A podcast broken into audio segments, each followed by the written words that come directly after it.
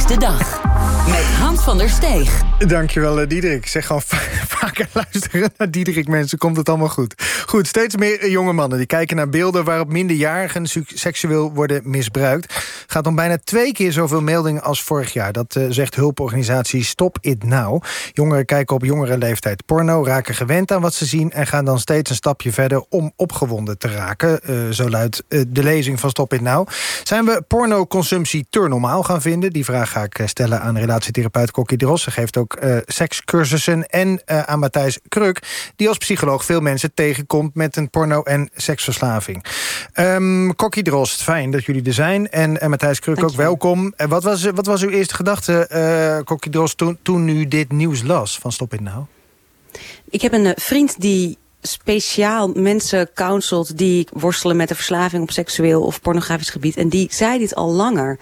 Um, dus voor mij kwam het niet direct als nieuw nieuws. Mm -hmm. uh, maar ik was wel blij in zoverre dat het nu op de agenda staat. Dat dit dus ook uh, uit onderzoek blijkt, of in ieder geval dat deze organisatie de cijfers hebt, heeft, dat het echt een breder probleem is. Ja, en die vriend van u zei dus ook van, het, het gaat, het ga, ze gaan, mensen die dit kijken gaan steeds verder en komen dan, ja even zo ja. gezegd, bij kinderporno uit. Ja, je, je hebt als het gaat over uh, je seksuele prikkels in je brein... op een gegeven moment dan raakt je brein een soort van verzadigd... of afgestomd, net van wat voor woord je wilt uh, gebruiken. Dat je extremere vormen nodig hebt van porno... om dezelfde seksuele op opwinding, dezelfde seksuele prikkeling te kunnen voelen.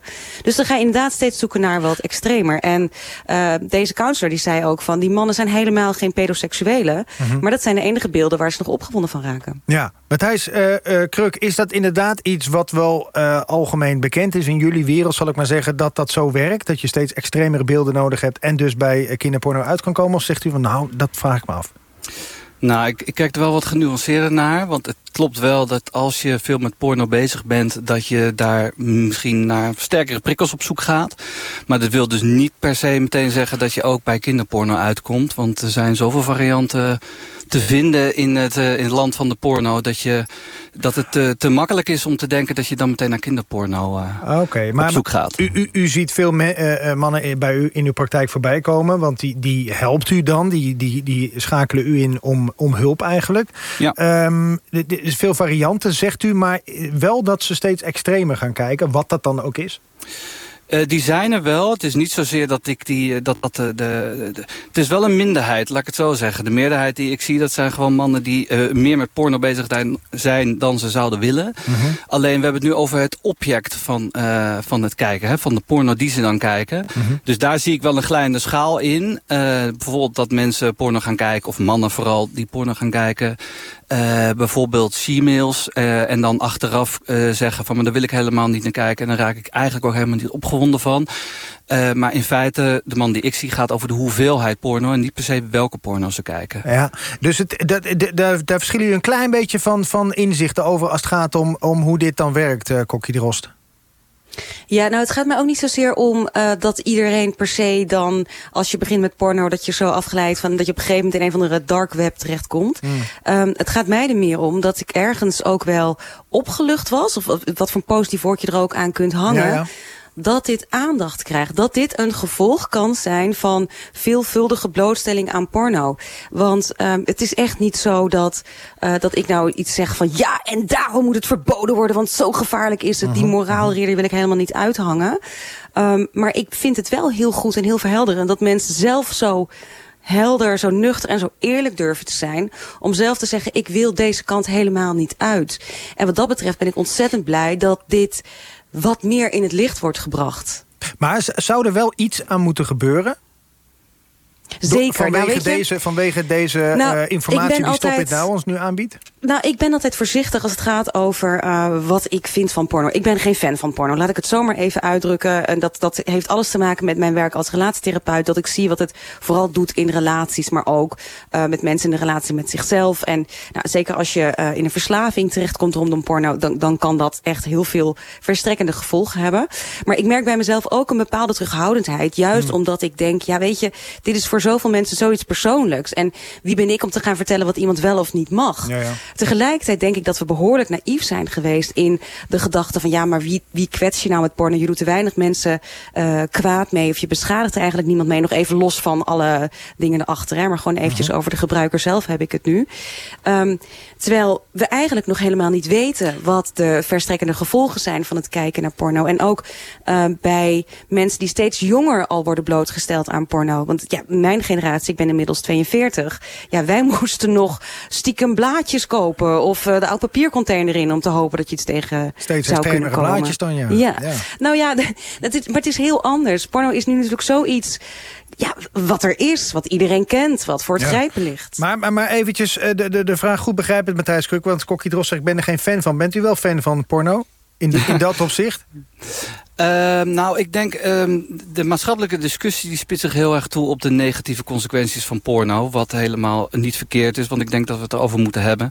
Maar ik denk ook dat de, eh, het is al zo oud als de mensheid. Ik denk dat porno een belangrijke rol speelt. En uh, vooral in de fantasie van mensen. -huh. En dat we wel eens voorbij gaan aan dat dat een belangrijk aspect is. Dat we juist op porno dingen gaan zoeken die we juist niet in het echte leven willen uitoefenen. Maar waar het hier om gaat is denk ik vooral, het gaat niet om de porno zelf, maar eigenlijk op de manier waarop het wordt aangeboden. En daar moet de discussie eigenlijk over gaan. Dat ik ben bijna even oud, ik ben 43. Net als ja, scheelt toch een jaar. en, eh, dus ik ben ook opgegroeid met die blaadjes. Maar dat is een hele andere manier van porno kijken. Want dan kan je er niet in verzanden. Je verzandt er pas in op het moment dat je online gaat. En elke keer mhm. opnieuw porno krijgt wordt aangeboden. Die je eigenlijk misschien helemaal niet op het idee was.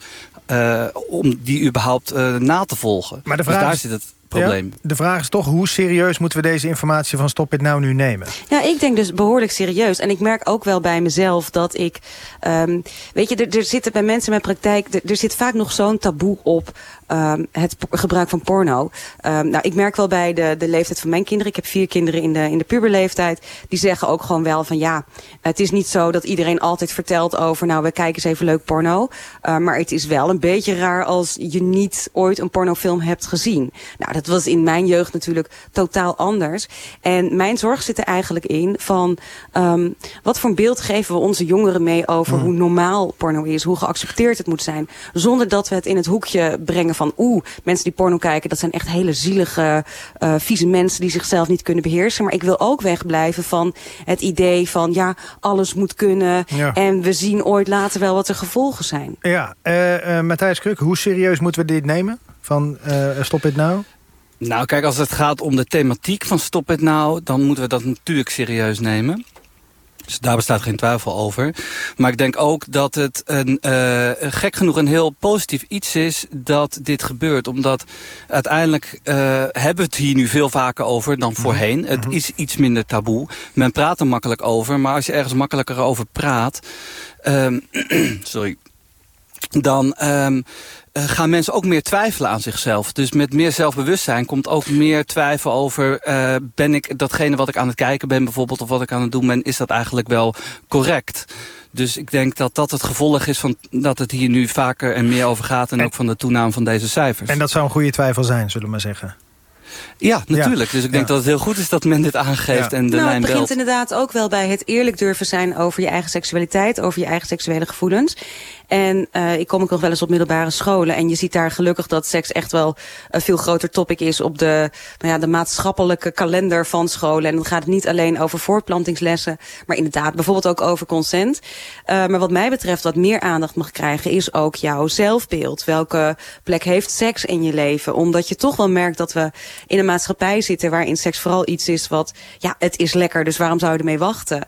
Um, en zonder dat ik nou meteen allerlei waarschuwende dingen wil gaan verkondigen, want ik weet ook wel uh, dat dat juist alleen maar de nieuwsgierigheid veel groter maakt bij veel jongeren. Mm -hmm. Maar dat je ze wel bewust maakt van hallo, uh, jouw seksualiteit is van jou. Het is ook een onderdeel van, ja. uh, van je persoonlijkheid. En ja, ik denk juist mensen met een, een, een negatief zelfbeeld zijn ook weer gevoelig voor de negatieve kanten van seks. En ik denk dus ook van porno. Ja, Matthijs Krukke was bij ons in de uitzending, in onze verkiezingsuitzending met de SGP onlangs.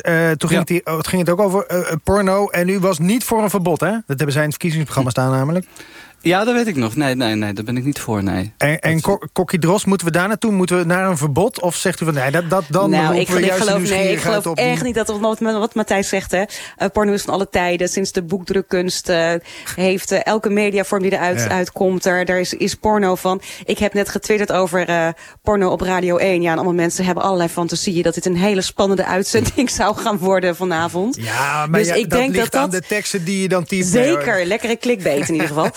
um, dus we hebben ook heel veel luisteraars nu natuurlijk. Maar ik denk dus, weet je, porno prikkelt. En Ja. ik denk ook, ergens is het ook... het mag ook iets van mensen persoonlijk zijn. Dus ik denk een verbod dat dat niet de goede weg is. Maar ik pleit veel meer voor de positieve benadering... van wat is een gezonde seksuele opvoeding...